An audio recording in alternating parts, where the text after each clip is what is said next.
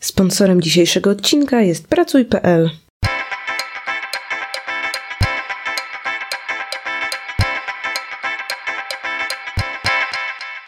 Cześć, witajcie w 39. odcinku Czytu Czytu, podcastu o książkach, autorach i wszystkim, co związane z czytaniem. Po tej stronie mikrofonu siedzi Ocia i dzisiaj rozmawiać ze mną będą Kasia i Krzysiek. No dobrze, jako że ja się ostatnio leniłam i nie przeczytam ani jednej książki, moja torebka świeci pustkami, to mam nadzieję, że Kasia i Krzysiek będą ratować honor podcastu czytelniczego i opowiedzą nam, co czytali w ostatnim tygodniu. Czy ja mogę zacząć? Śmiało. Bo ja mam taką piękną książkę. Otóż mm, mam książkę, która jest drugim tomem książki, którą już kiedyś tutaj wam omawiałam.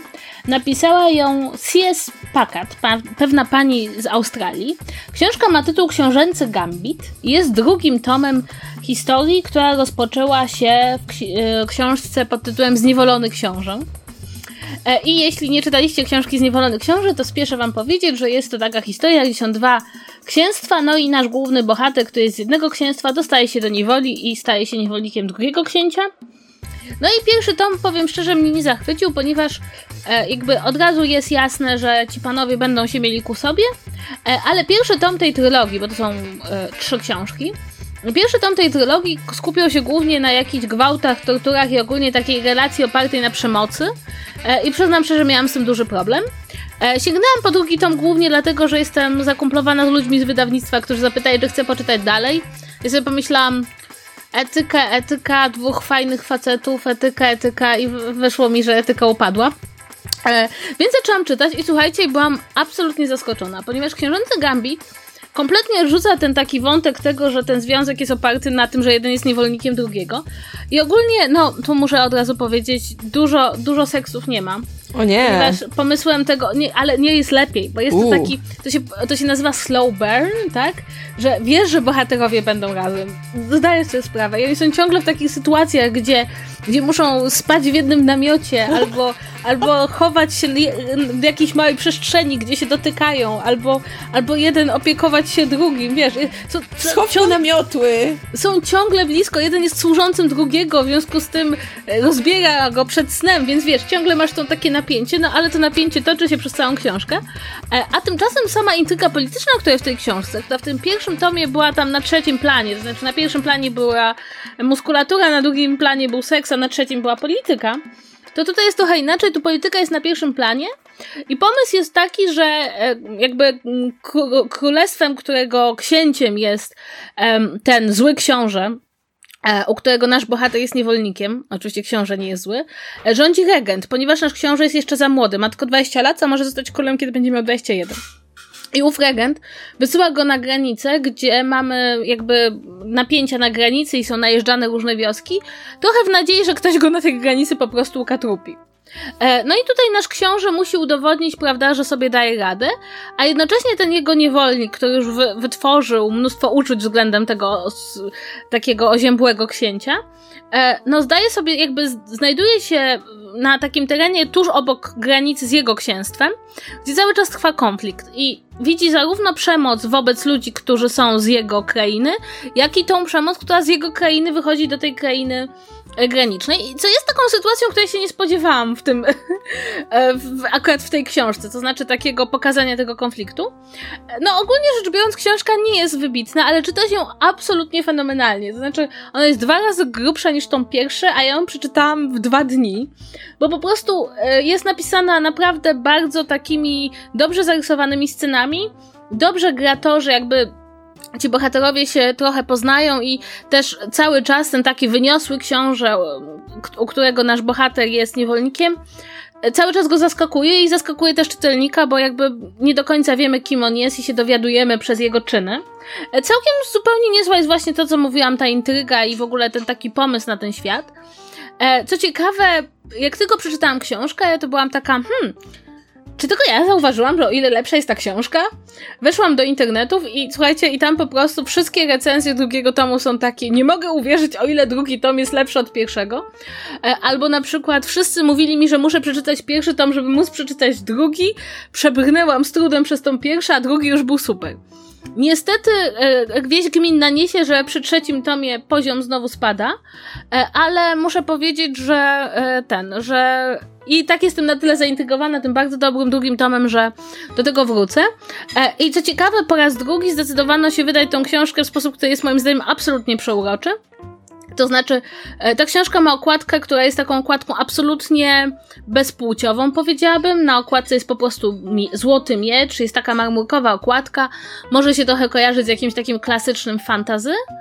E, ale ma obwolutę, która mówi ci absolutnie, że jest to książka dla kobiet, które chcą się rumienić, kiedy jeden piękny, e, umieściony pan dotyka mięśnie drugiego umieśnionego pana. Więc jeśli lubicie tego typu literaturę, albo jeśli macie wątpliwości czytać tom drugi po tym, jaki był tom pierwszy, to mogę powiedzieć, e, że, że tom drugi jest takim typowym przykładem, że autorca, autorka się nauczyła pisać i chciałam powiedzieć, że podobno to było tak, że ona się konsultowała w internecie, no i wygląda na to, że te konsultacje internetowe okazały się słuszne, że ludzie w jej w sieci podpowiedzieli, jak to jednak poprawić. E, no, ale w każdym razie, ba- znaczy polecam, polecam to jako dobrą rozrywkę. To jest trochę tak, jak obejrzeć taki serial, co to wiesz, że się nie powinno oglądać, ale człowiek klika następny odcinek. Mm. E, więc to była moja lektura w tym, ty- znaczy w tym tygodniu. Zajęło mi dwa dni, po prostu nie byłam się w stanie oderwać, no bo po prostu, wiecie, no... To jest taka literatura, no. A jeśli ktoś nie czytał tego pierwszego tomu, to czy polecałabyś, żebyś się z nim męczył, bo drugi jest tego wart? Czy może można sięgnąć od razu po drugi? A wiecie co? Chyba, chyba bym powiedziała, że jeśli przeczytacie streszczenie w internecie, to wam wystarczy, ponieważ ja czytałam ten pierwszy tom jakiś czas temu i nie pamiętałam wszystkich szczegółów, ale w sumie najważniejsze to jest do zapamiętania, że jest jeden książę jest niewolnikiem, drugi książę jest, ma regenta, który jest przeciwko niemu i wybierają się na granicę. Tam są co pewien czas nawiązania do jakichś intryg pałacowych i do jakich momentów z pierwszego tomu, ale prawdę powiedziawszy to nie jest absolutnie kluczowe.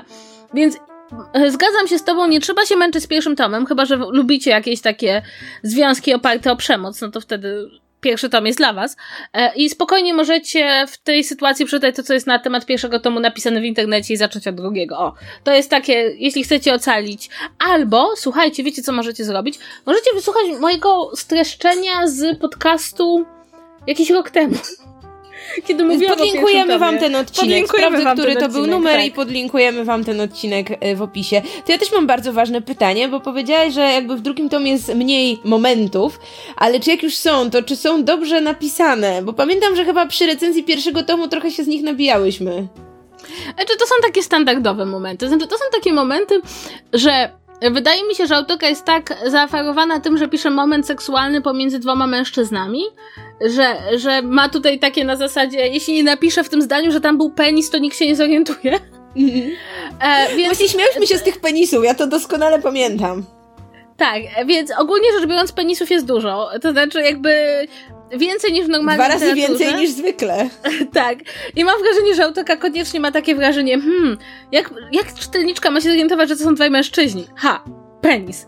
E, natomiast e, w, w, jakby w tej książce w tej książce seks nie jest najważniejszy, e, bo jakby największą satysfakcję daje ci to, że bohaterowie się poznają i jest między nimi napięcie. Ja, jak, ja wielokrotnie mówiłam, że jak jest scena seksu w książce, to mi jest zawsze, mam z nią duży problem, bo w tym momencie już się zamieniam tylko w podglądacza, no bo nie, nie ma mnie tam. Natomiast jak są emocje, które się buduje, to ja mogę te emocje współodczuwać, więc, więc to, no, sceny są, ale to nie jest wybitne. No, no chyba, że ktoś lubi penisy, nie? No myślę, że ponad połowa populacji lubi penisy, no ale... No. Nie, nie, to znaczy na papierze mówię, nie, nie, nie tak A, na żywo. No na, pa na, na, papierze to już mniej, mniej. No dobrze, to próbuję taki zgrabny segway znaleźć. Jedyne, co mi przychodzi do głowy, to żeby zapytać Krzyśka, czy w jego komiksie też były penisy, ale chyba, że macie lepszy pomysł należy zakładać, że gdzieś pod ubraniami były. E, nie, mam lepszy pomysł na sobie, ponieważ ja też nie będę mówił o pierwszej części czegokolwiek. Ale od początku. E, ja tu dziś, dzisiaj zastępuję Megu, więc żeby zrobić to godnie, miałem do wyboru przeczytać reportaż wydawnictwa Czarne albo komiks. Komiks miałem pod ręką. I przeczytałem y, najnowszy wydany przez Egmont tom Usagiego Yojimbo. To jest Usagi Yojimbo Tajemnice tom, uważajcie, 32. Policzyłem Ojej. palcem wszystkie na półce. Ja chyba przy 17 odpadłam, coś takiego. Słuchajcie, To jest tak, e, Usagi Yojimbo to jest seria Stana Sakai. Pan Sakai jest amerykańskim rysownikiem i scenarzystą komiksów pochodzenia japońskiego, e, który w 1987 rozpoczął swoją serię sztandarową o tytułowym e, Roninie, czyli samuraju bez pana, który przy okazji jest również królikiem, ponieważ ten komiks wpisuje się w tradycję historii o antromorficznych zwierzętach. E, I ten Usagi ciągnie się, jest, jest, nie, nie jest moim równolatkiem, bo seria zaczęła się w 87, natomiast sama postać wcześniej występowała gościnnie, jeszcze zanim miała własny, własny miesięcznik. E, sama postać pojawiła się w 84, czyli. Jest starszy od nas wszystkich. 35 tak. lat, tak. Królik, królik kończy w Ile tym roku. żyją króliki? Krócej. Mniej. I to jest tak. Y, Usagi Yojimbo to jest, to jest historia tego naszego tytułowego Ronina, który egzystuje sobie w feudalnej Japonii z początku XVII wieku. E, czyli to jest moment tuż, tuż po tym, gdy, gdy zakończyły się te wyniszczające wojny domowe. W końcu jeden, jeden klan zdominował cały kraj i jest, jest nowy szogun, e, który wprowadza jakby porządki, i, i nagle jest epoka pokoju, co oznacza, że wszyscy ci ludzie, którzy potrafili posługiwać się mieczami, teraz nie bardzo mają zajęcie, to znaczy ci, którym się poszczęściło, wciąż służą jakimś panom i, i mają e, stać ich na ryż i może nawet masło. E, natomiast wielu takich jak Usagi ruszyło, ruszyło e, na, na drogi i, i bezdroża.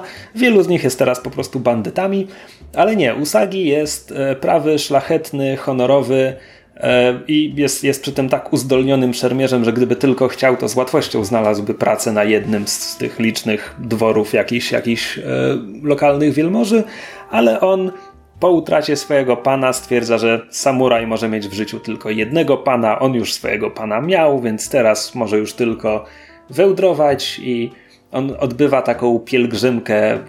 Musia Siugio, jeśli dobrze wymawiam, to jest, to jest taka e, z jednej strony duchowa podróż, ale z drugiej strony też po polegająca na kształceniu swoich umiejętności. No i on po prostu przemierza sobie Japonię i co wejdzie do jakiejś wioski, to tam albo czeka grupa bandytów, albo jacyś ninja, albo wplątuje się w jakąś aferę kryminalną, albo wszystko naraz. I wszyscy oczywiście bohaterowie, których spotyka, też są jakimiś zwierzętami. E, Sakai początkowo bardzo korzystał z tego schematu. no, nasz tytułowy bohater jest królikiem, no bo króliki wiadomo są szybkie, żwawe, ale też sprytne. Nie wiem, czy to bardziej, bardziej Ezop, czy, czy bardziej królik Bugs, że, że króliki przechytrzają Może przeciwników. Piotruś królik. E, możliwe, ale, ale Usagi też się w to wpisuje. Więc jakby ten, ten pan, jego pan, który poległ, był e, lwem albo tygrysem. Jak spotyka młodego dziedzica, arystokratę, którego musi ratować przed bandami krwiożerczych ninja. Tak, to on jest małą uroczą pandą, żeby podkreślić, jaki jest mały, niewinny, bezbronny. E, najlepszy przyjaciel Usagiego jest, to jest nieokrzesany łowca nagród, więc ponieważ jest nieokrzesany i gruboskórny i tak dalej, to jest nosorożcem. E, tylko, że z czasem mam wrażenie, że Sakai trochę to stonował i że jakby potem przestał kłaść aż, aż taki nacisk, żeby, żeby każde zwierzę bardzo konkretnie oddawało charakter postaci. Aczkolwiek w tomie, który właśnie przeczytałem, powraca y, złodziejka, która oczywiście jest lisicą, ponieważ chytra złodziejka. Mogłaby być jeszcze kotką, nie? To są dwa jedyne zwierzęta, które mogą być chytrymi złodziejami. E, kotka w życiu Usagiego jest y, ninją, więc. Bo wiesz, przemyka się w cieniach, chadza własnymi ścieżkami. E, ja się trochę, jakby teraz jak to mówię, to trochę się przekomarzam e, z autorem, natomiast to jest cykl, który uwielbiam. E, ja na niego wpadłem, mam wrażenie, że jeszcze w podstawówce, a jeśli nie w podstawówce, to najpóźniej w gimnazjum, bo po prostu jakiś wyrwany z kontekstu tom był na półce w bibliotece szkolnej albo publicznej koło szkoły. E, I to jest jedyna taka seria, którą zacząłem czytać, jakby jeszcze zanim stałem się, nazwijmy to, dorosłym sobą, bardziej świadomym czytelnikiem komiksów, którą wciąż czytam. E, bo przeczytawszy to, nie wiem, dziesiąty czy czternasty, cofnąłem się, żeby, żeby nadrobić serię od początku. E, jest to po prostu strasznie przyjemna rzecz. To jest tak. O antropomorficznych zwierzętach już wspomniałem, natomiast na dodatek Sakai rysuje ten komiks, jest czarno-biały komiks, tu, tu nie ma kolorów. E, rysuje go, chcę powiedzieć, dość oszczędną kreską, bo te postaci potrafią nie być bardzo szczegółowe, a jednocześnie to jest trochę tak jak w Asterixie, gdzie masz kadry, gdzie nagle tło masz jest, jest takie, że widzisz każdą dachówkę na, na dachu pałacu czy, czy coś takiego. Więc pod tymi względami są, y, są czasami pełne szczegółów, zwłaszcza przy krajobrazach. I to, co najbardziej w nim lubię, on rysuje.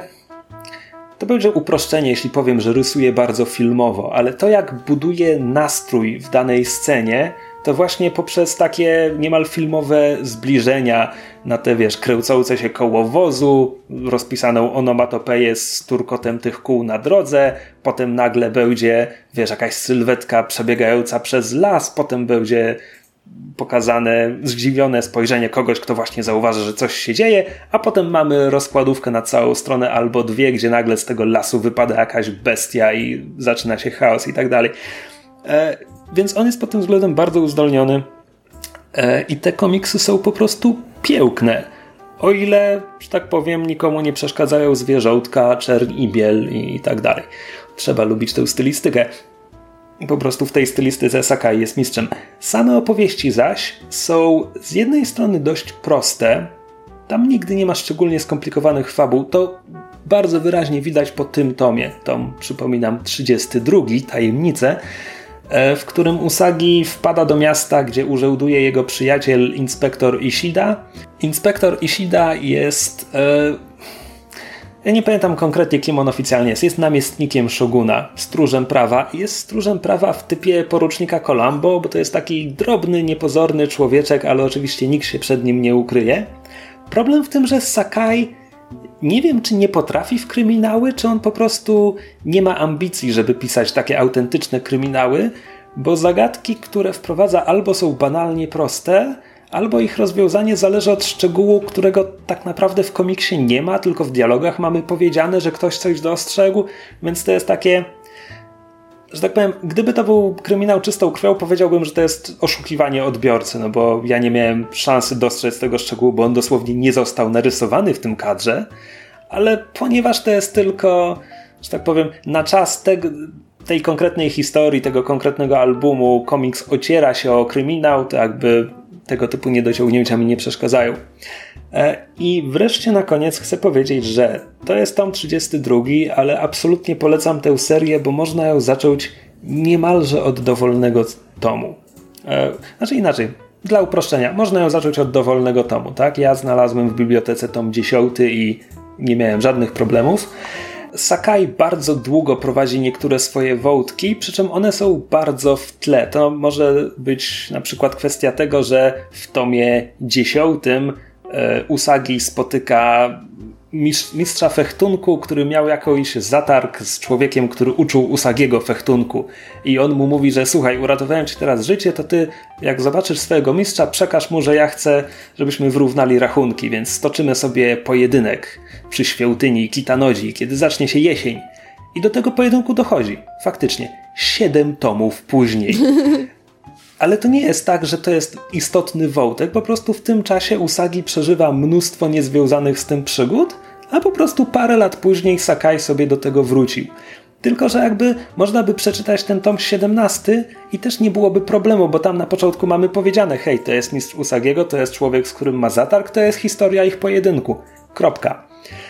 Raz na bardzo rzadko e, raz na bardzo rzadko piszę historię rozpisaną na ileś zeszytów, to wtedy w polskich wydaniach zazwyczaj oznacza, że cały album jest temu poświęcony, no to po prostu mamy album, w którym jest jedna historia zamiast jak zwykle czterech czy pięciu mniejszych. E, I kiedyś, kiedyś miał ambicje, że pisał faktycznie wielotomowe historie, ale to jest dosłownie pięć, pięć tomów ze środka, które nie wiem, można pominąć. E, teraz tak, na koniec dodałbym, że Usagiego najłatwiej zebrać w oryginale, bo w Polsce był z tym duży problem. To znaczy, najpierw wydawał go Egmont, tylko że Egmont miał umowę z Dark Horse'em, a Stan Sakai wydawał Usagiego w dwóch wydawnictwach. Dark Horse był późniejszy, wcześniej był Fantagraphics. E, ale potem Mandragora weszła na rynek, ona miała z kolei umowę z Fantagraphics, więc uzupełniła tę lukę. Tylko to było kilkanaście lat temu, więc to wszystko teraz tylko krąży e, na, na rynku wtórnym. Natomiast dzisiaj właśnie Egmont podał swoje pełne zapowiedzi wydawnicze na 2019 i okazuje się, że zacznie wznawiać Usagiego e, w takich grubych wydaniach, gdzie każdy album będzie zbierał chyba trzy dotychczasowe i pierwszy taki ma, ma mieć premierę na Pyrkonie. To jest bodajże kwiecień? Kiedy jest Pyrkon? Tak, pod koniec kwietnia jest w tym roku. Właśnie. W związku z tym od kwietnia Egmont ma zamiar wydawać wznowienie Usagiego. E, to może być bardzo dobry sposób na wejście w tę serię. Jeśli ktoś chce po prostu pójść do swojej biblioteki lokalnej i przekonać się, czy na półce coś jest i wziąć losowy tom, to też bez problemu wejdzie w ten cykl. E, co szczerze polecam, jest po prostu strasznie sympatyczny. E, tam bardzo często Sakai pochyla się nad jakimś japońskim rzemiosłem, więc nagle mamy historyjkę, która jest jednocześnie takim trochę małym esejem na temat, nie wiem, hodowli wodorostów w XVII-wiecznej Japonii. Jest to wszystko bardzo przyjemne.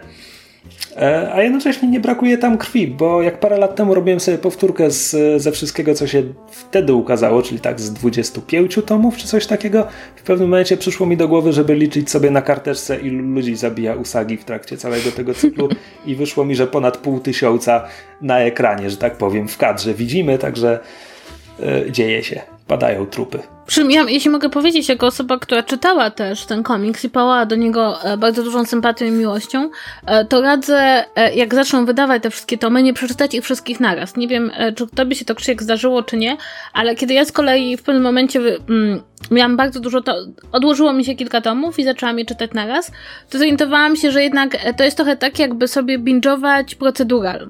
Znaczy w pewnym momencie pewne schematy, które są tam się powtarzają, zaczynają być trochę nużące, Zwłaszcza, że ten serial, ten, ten, ten, ten cykl komiksowy mi bardzo przypomina serial, tak na zasadzie, że są jakieś wątki, które się pojawiają raz na sezon, prawda, raz na kilkanaście opowieści, e, dowiadujemy się czegoś z przeszłości bohatera, albo właśnie pojawia się jakiś, on spotyka kogoś, kogo spotyka kilka tomów potem dalej, e, ale kiedy ja to czytałam naraz, to w pewnym momencie miałam coś takiego, że przestałam, bo po prostu miałam wrażenie, że ciągle, ciągle oglądam pewien wariant tej samej opowieści, więc radzę to, bardzo radzę do tego zajrzeć, bo to jest jeden z sympatyczniejszych komiksów, jakie w ogóle czytałam i też taki, wydaje mi się ciekawy o tyle, że no to nie jest, to, to nie jest coś, nie znam niczego bardzo podobnego do tego, e, natomiast właśnie jak czytałam wszystko naraz, to, to w pewnym momencie mnie odrzuciło to, jak dużo jest podobieństw między kolejnymi tomami.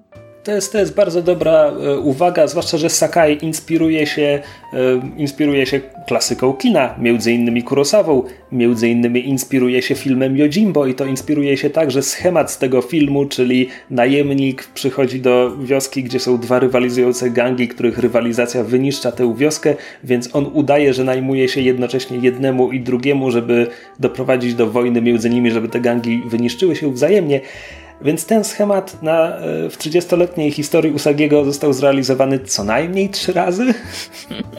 Tak, ale właśnie, żeby, żeby nie czytać wszystkiego naraz, bo jest taka pokusa, zwłaszcza jak teraz wy, wydają, żeby sobie robić. Dobrze jest właśnie jak nadrobisz już i musisz czekać, aż wydadzą kolejny tom, bo wtedy się nabiera takiego smaku, że już by człowiek poczytał coś nowego.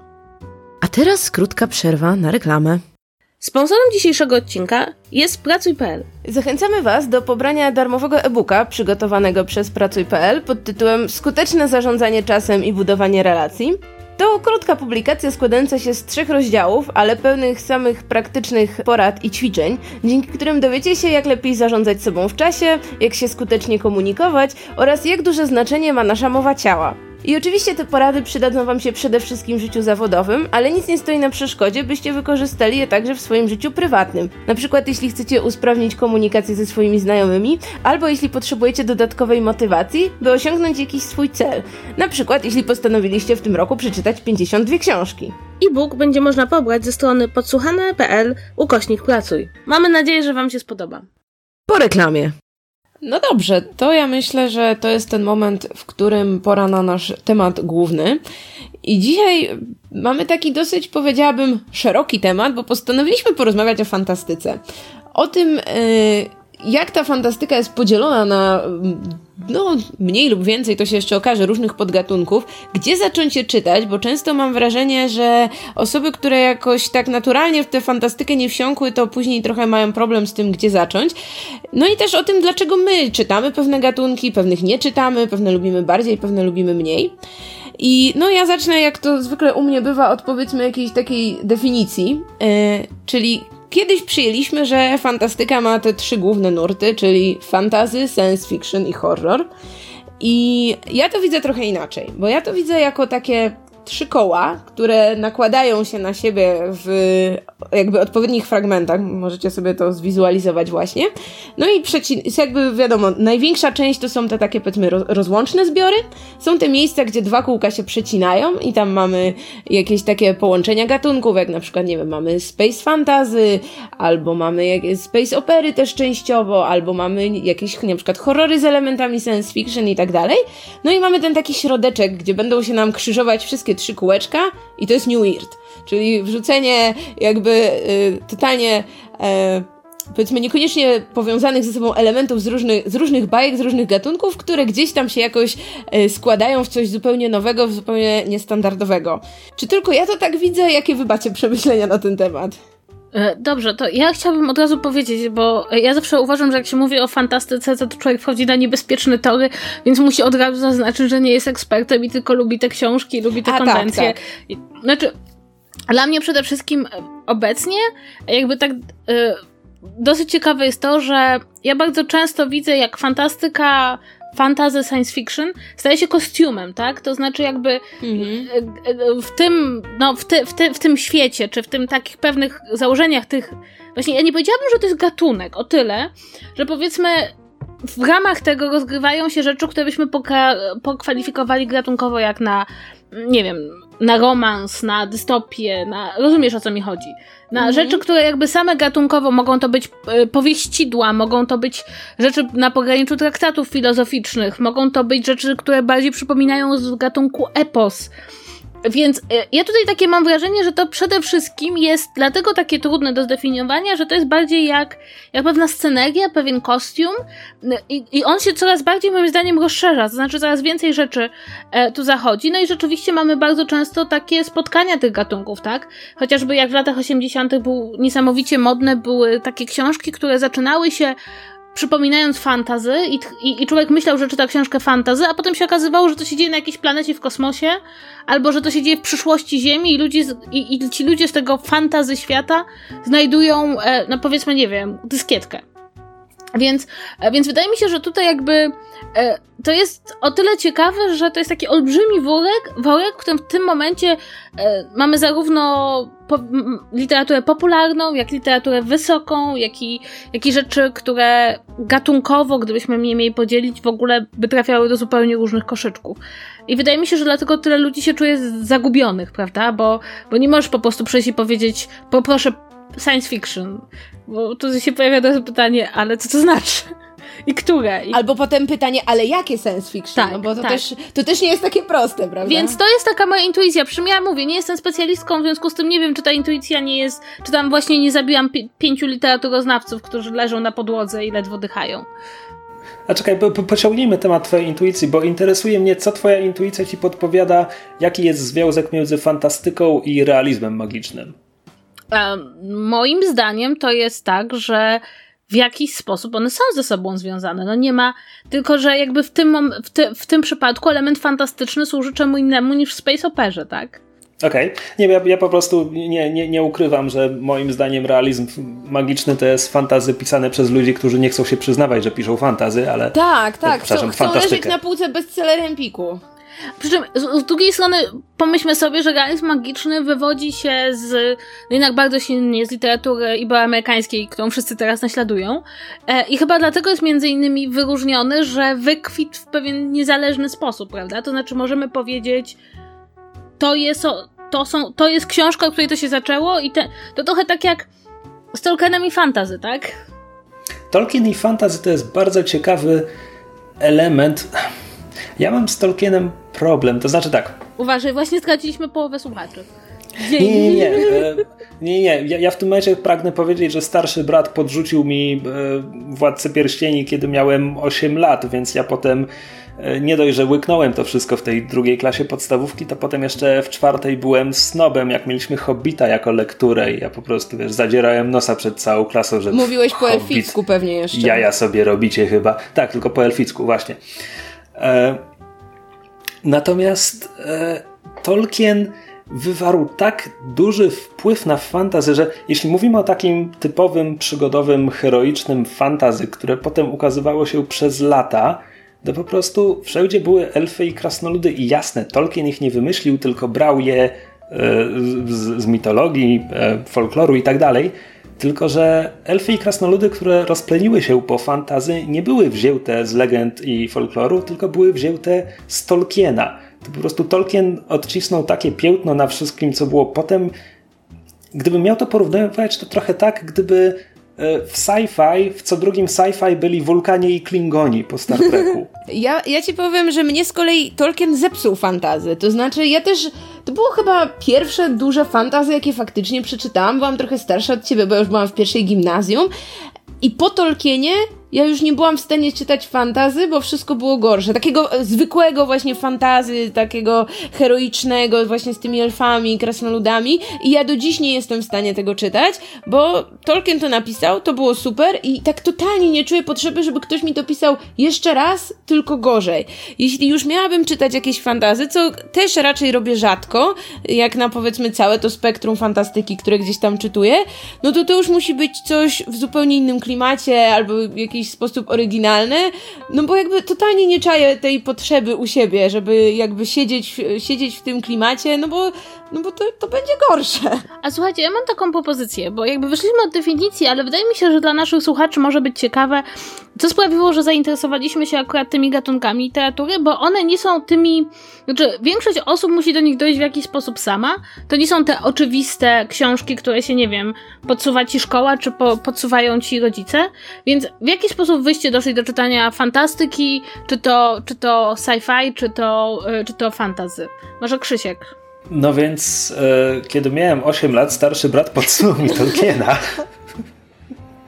to znaczy, prawda jest taka, że e, gdzieś w bardzo podobnym wieku też e, zafascynowałem się Gwiezdnymi Wojnami, które też paradoksalnie poznałem najpierw jako książkę, i to nie książkową adaptację Nowej Nadziei, tylko przez dziedzica Imperium Timothy'ego Zana, więc zacząłem czytać, że tak powiem, książki kontynuujące fabułę filmów, zanim obejrzałem filmy.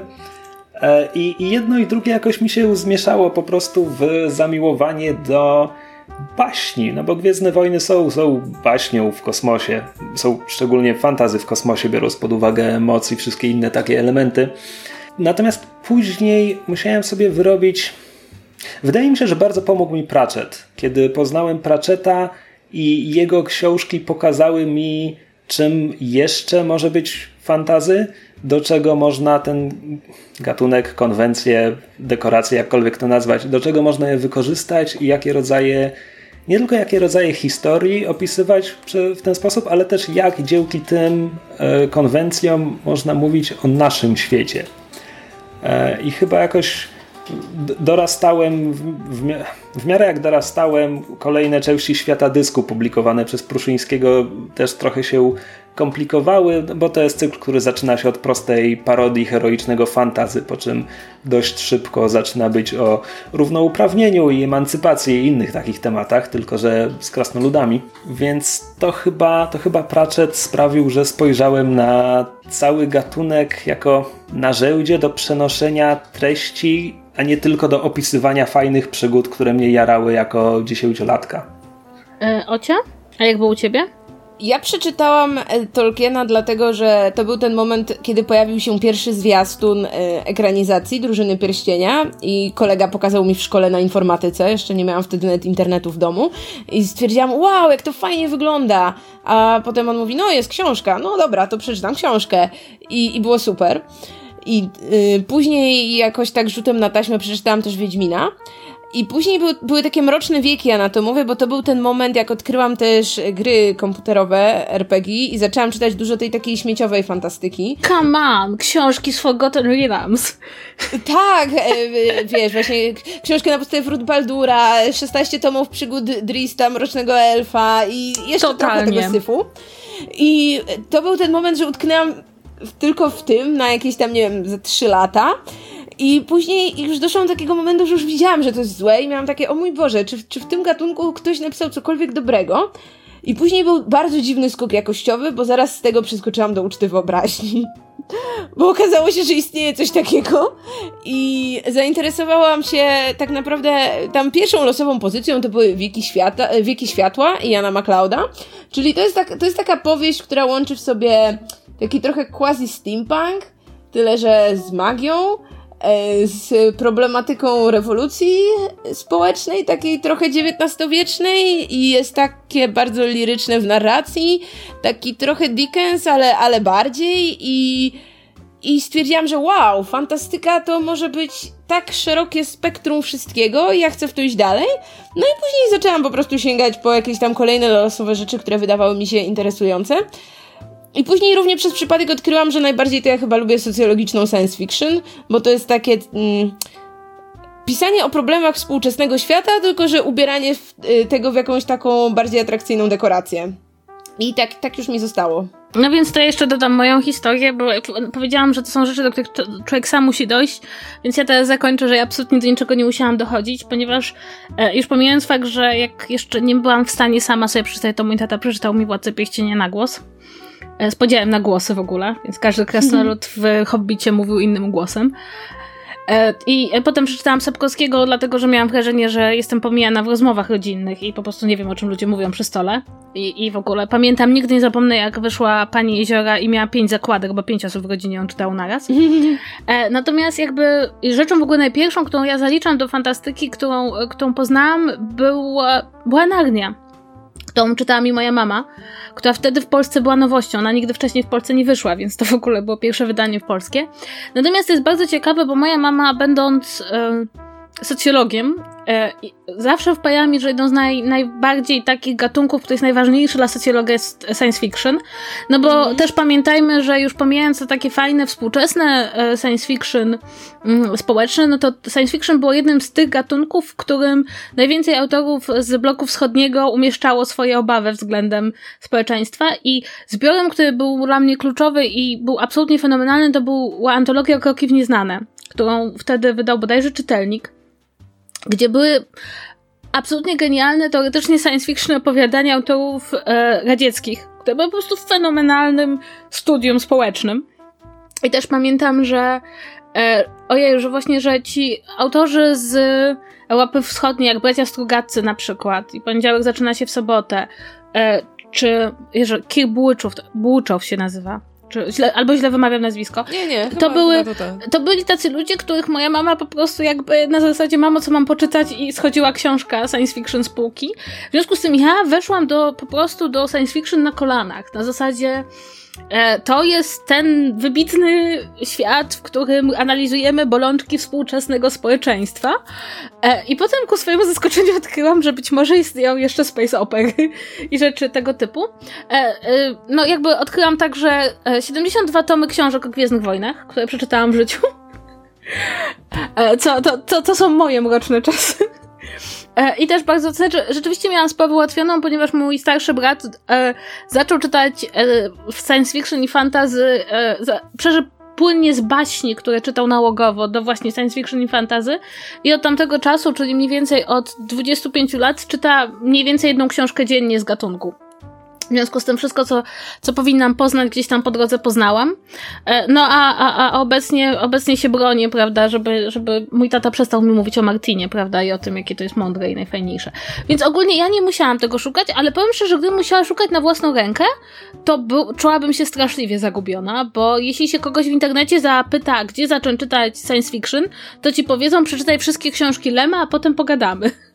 Tak, właśnie, bo ty wspominałaś, że, e, że może powiemy słuchaczom jakieś od czego zacząć, a ja tak sobie teraz myślę, że kurczę, nie mam, nie mam pojęcia, bo to są tak w obrębie tych, nawet jeśli nazwiemy je gatunkami, to w ich obrębie można znaleźć tyle różnych rzeczy, że tak na ślepo polecić dwa tytuły, to no właśnie, ale może bardziej upraszczając, zaczynać od klasyki, czy zaczynać od czegoś powiedzmy bardziej współczesnego? No bo tak jak Kasia wspomniała, jeśli nie wiem, na jakiejś grupie książkowej, czy w jakimś gronie powiedzmy fantastów zadasz pytanie, nie wiem, od czego zacząć czytać, nie wiem, science fiction powiedzmy, no to od razu ci powiedzą, nie wiem, żeby czytać Lema, Zajdla, albo jakby jeszcze, nie wiem, bardziej jeszcze klasycznych autorów, nie wiem, Heinleina, yy, Aldisa i tak dalej, nie wiem, Asimowa, no właśnie, pytanie na ile taki powiedzmy świeży czytelnik nie odbije się od tych starych mistrzów, którzy no co by nie mówić, często pomysły mieli rewolucyjne jak na swoje czasy, ale na przykład stylem, no to te książki niektóre potrafią już trochę, nie wiem, trącić myszką. Na ile łatwiej jest na przykład wejść teraz do fantastyki zaczynając od czegoś współczesnego, no co wiadomo, nie jest tak uznane, ale może jest prostsze. Znaczy, moim zdaniem Asimowa się dobrze czyta. Nie za, ja go czytałam jakby wiele lat po tym, jak Asimov napisał rzeczy, które napisał. I wydaje mi się, że akurat Asimov dobrze, dobrze przechodzi próbę czasu, zwłaszcza, że u niego są te roboty i prawa robotyki i mam wrażenie, że to jest ciekawsze, bo teraz coraz bardziej tego dotykamy. Więc ja bym broniła Asimowa na tej liście, bo na przykład osobiście uważam, że zaczynanie od Lema i to tego Lema dla dorosłych, to ja sama miałam, powiem, przyznam szczerze, że miałam problem na przykład czytając Solaris, że widziałam, że Lem opisuje rzeczy, których dzisiejszy autor już nie opisuje, bo dzisiejszy czytelnik, nie wiem, ma w głowie jakąś wizję statku kosmicznego na przykład. Przepraszam, Krzysiek, bo coś mówisz. Nie, jasne, po prostu to jest bardzo indywidualna kwestia, bo komuś powiesz, chcesz wejść w fantazy, zacznij od Tolkiena i on spróbuje i faktycznie będzie zauroczony Tolkienem. E, dziewięć innych osób się odbije od pierwszej piosenki. E, natomiast zastanawiam się, czy to nie jest trochę tak, jakby wiesz, ktoś przyszedł i powiedział: Słuchaj, bo ja niby widziałem jakieś filmy, ale, ale chciałbym tak naprawdę wejść w film, filmy, i ty mu powiesz: Zacznij od obywatela Keina. Jakby trzeba dużo filmów obejrzeć współczesnych, żeby potem obejrzeć obywatela Keina i zrozumieć, czemu to był film wybitny, bo wprowadził to wszystko, co jakby te wszystkie techniki wykorzystywane potem przez następne pół wieku. E, więc nie wiem, no na przykład mówisz o Asimowie, ja przyznam, że sam czytałem go niewiele, no ale kwestie robotów, kwestie praw, czy dosłownie jego prawa robotyki, też rozprzestrzeniły się po, po sci-fi i są, i są nie tylko w książkach, są, są w filmach, grach, więc znowu myślę, że ktoś, kto trochę tego liznął, nawet nie literatury, ale nie wiem, zagrał w od choćby Detroit Become Human, czy jakkolwiek ta gra się nazywa, e, potem może wejść zaczął czytać Azimowa i, i zastanawiać się, albo pomyśli, wow, to stąd się to wszystko wzięło, albo pomyśli sobie, ale ja to już wszystko czytałem i widziałem w tylu innych wersjach. Tak, no to jest zawsze problem.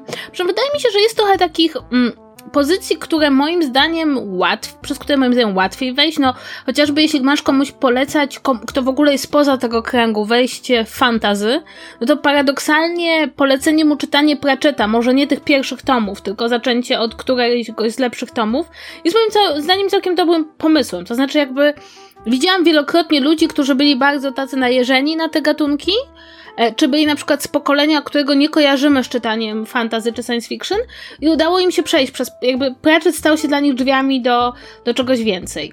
E, wydaje mi się, że do pewnego stopnia do ludzi dobrze trafia Sapkowski, tak? Bo co prawda, jak, jak doskonale znasz fantazy i konwencje i mit arturiański Tolkiena, no to czytasz zupełnie inaczej e, Wiedźmina, bo czytasz go jako taką postmodernistyczną wariację na temat znanych konwencji, ale jak nie znasz, to, się po prostu dobrze czyta i, i jest stosunkowo łatwe, bo na przykład powiem wam rzecz, która będzie w tym momencie dosyć ciekawa, bo mówię, że właśnie, że ktoś może się odbić od, od Władcy Pieścieni.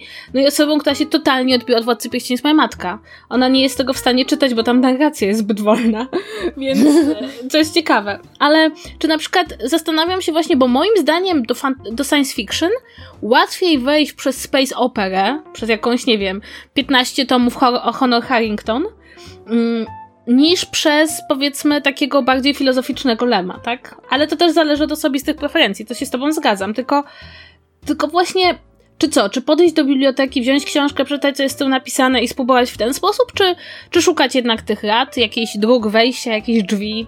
Ja bym powiedziała, że łatwiej zacząć od czegoś gorszego i przejść do czegoś lepszego, Czyli co, wrota Baldura na początek?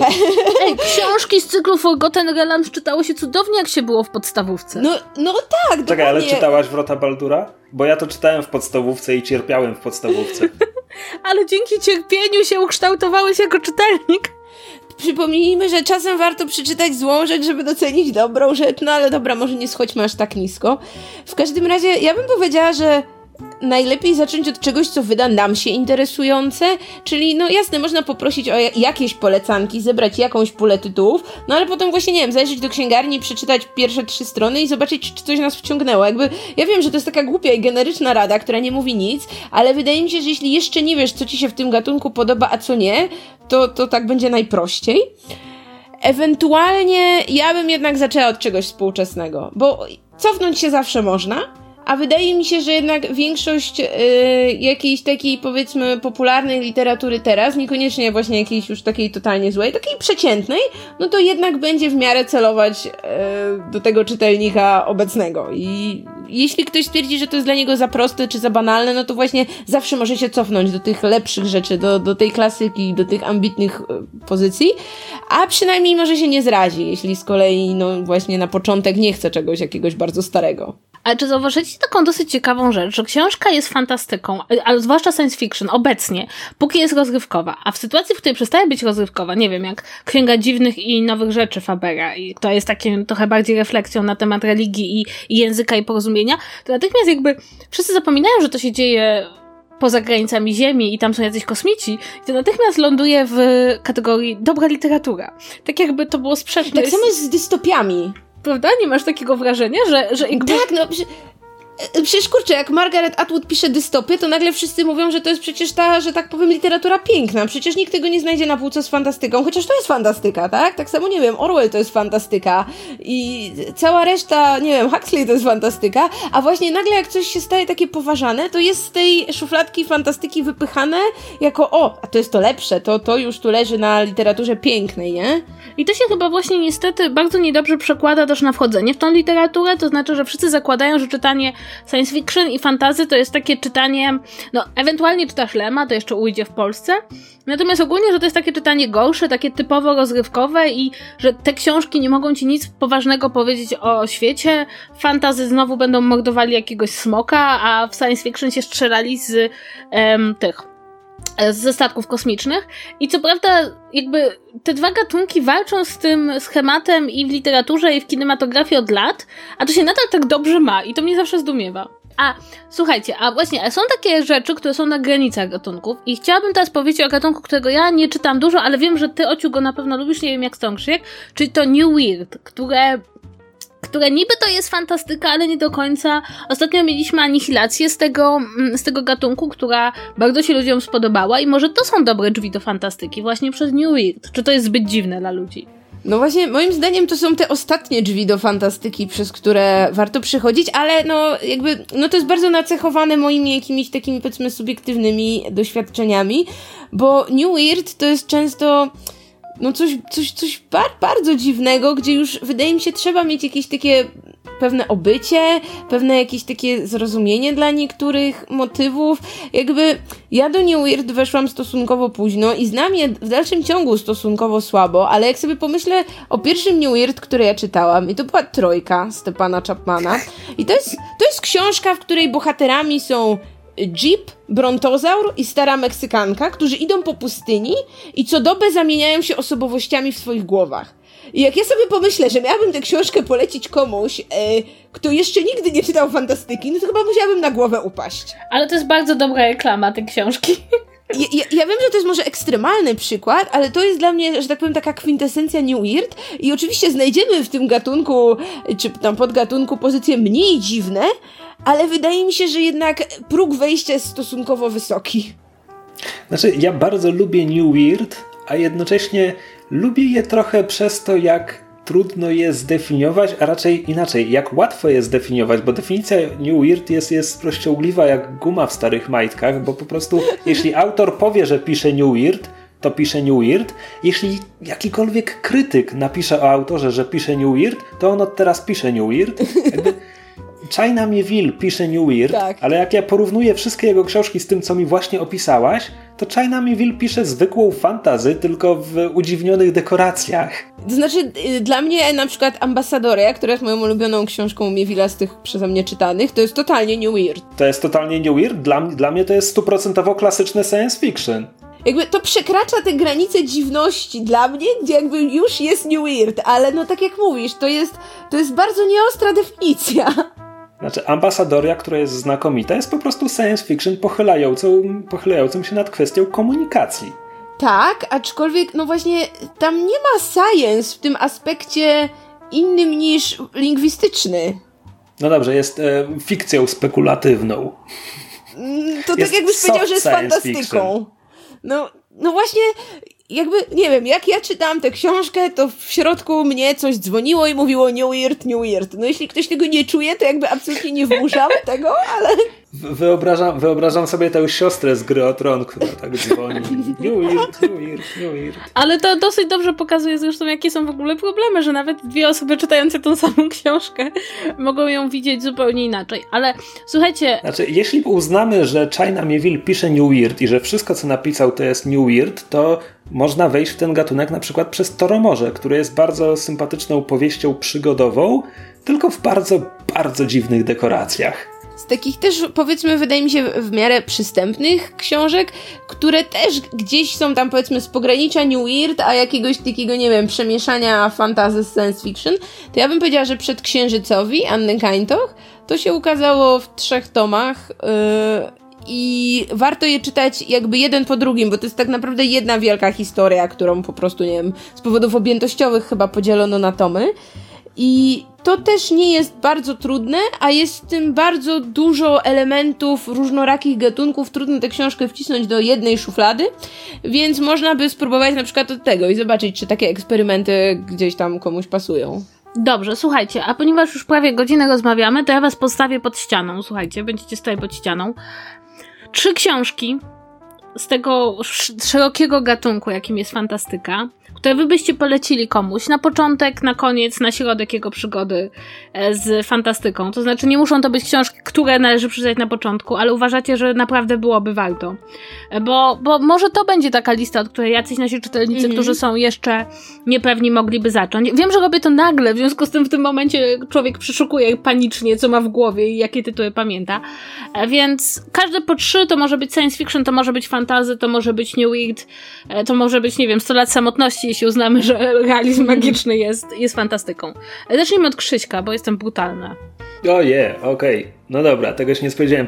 E, nie potrafię ich przy... Dobrze, będę trochę oszukiwał, ale tylko trochę, więc e, myślę, że na początek może być e, Pratchett, Świat Dysku. Najbardziej chciałbym polecić Straż Nocną, bo jest moją ulubioną częścią całego cyklu, ale jednak, żeby ją docenić, trzeba zapoznać się przynajmniej z tymi postaciami, więc Straż Straż na początek, Straż Nocna. I to jest jedna moja polecanka. E, ewentualnie spoza świata dysku Nacja Pratchetta, bo to też jest piękna książka. Och, fenomenalna książka. Drugą polecanką byłaby Blizna China Miewila, bo okej, okay, niech będzie New Weird, ale to jest bardzo ciekawa powieść w bardzo wielu tematach. O tym, jak tworzy się pewna społeczność, o tym, jakie siły ją napełdzają, jakie siły się w niej ścierają, o obsesji. Bardzo dobra rzecz. A przy okazji piracka przygoda na morzu. Tak jakby. Nie do końca, ale trochę. E, z trzecią mam problem, więc powiedzmy, że na razie powiem e, Mistrz i Małgorzata, a potem może jeszcze przyjdzie mi coś innego do. Hej, to jest fantazy i nie przekonacie mnie, że jest inaczej. Dobrze. E, Ocia? No dobrze, to ja polecę y, po jednej z tej klasycznej trójcy gatunków. Y, powiedzmy, y, wydaje mi się, że może nie są to książki, nie będą to być książki które przeczytać jako pierwsze w swoim życiu, ale nie musicie być bardzo zaawansowanymi czytelnikami, moim zdaniem, żeby po nie sięgnąć. Więc zacznijmy od horroru, czyli gatunku, który ja teoretycznie znam najsłabiej, ale jak coś już w nim czytam, to z reguły staram się, żeby to były jakieś takie rzeczy a, uznawane powszechnie za jedne z tych najlepszych.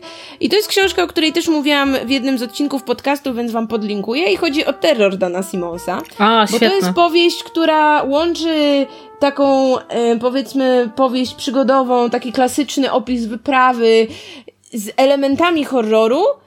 I tak naprawdę wydaje mi się, że jeśli ktoś jeszcze w tej fantastyce za mocno nie siedzi, to może sobie od tej książki zacząć, bo te elementy fantastyki są tam bardzo nienachalne i w gruncie rzeczy można sobie je zawsze też jakoś nawet zracjonalizować i nie czuć się zaatakowanym tą fantastyką.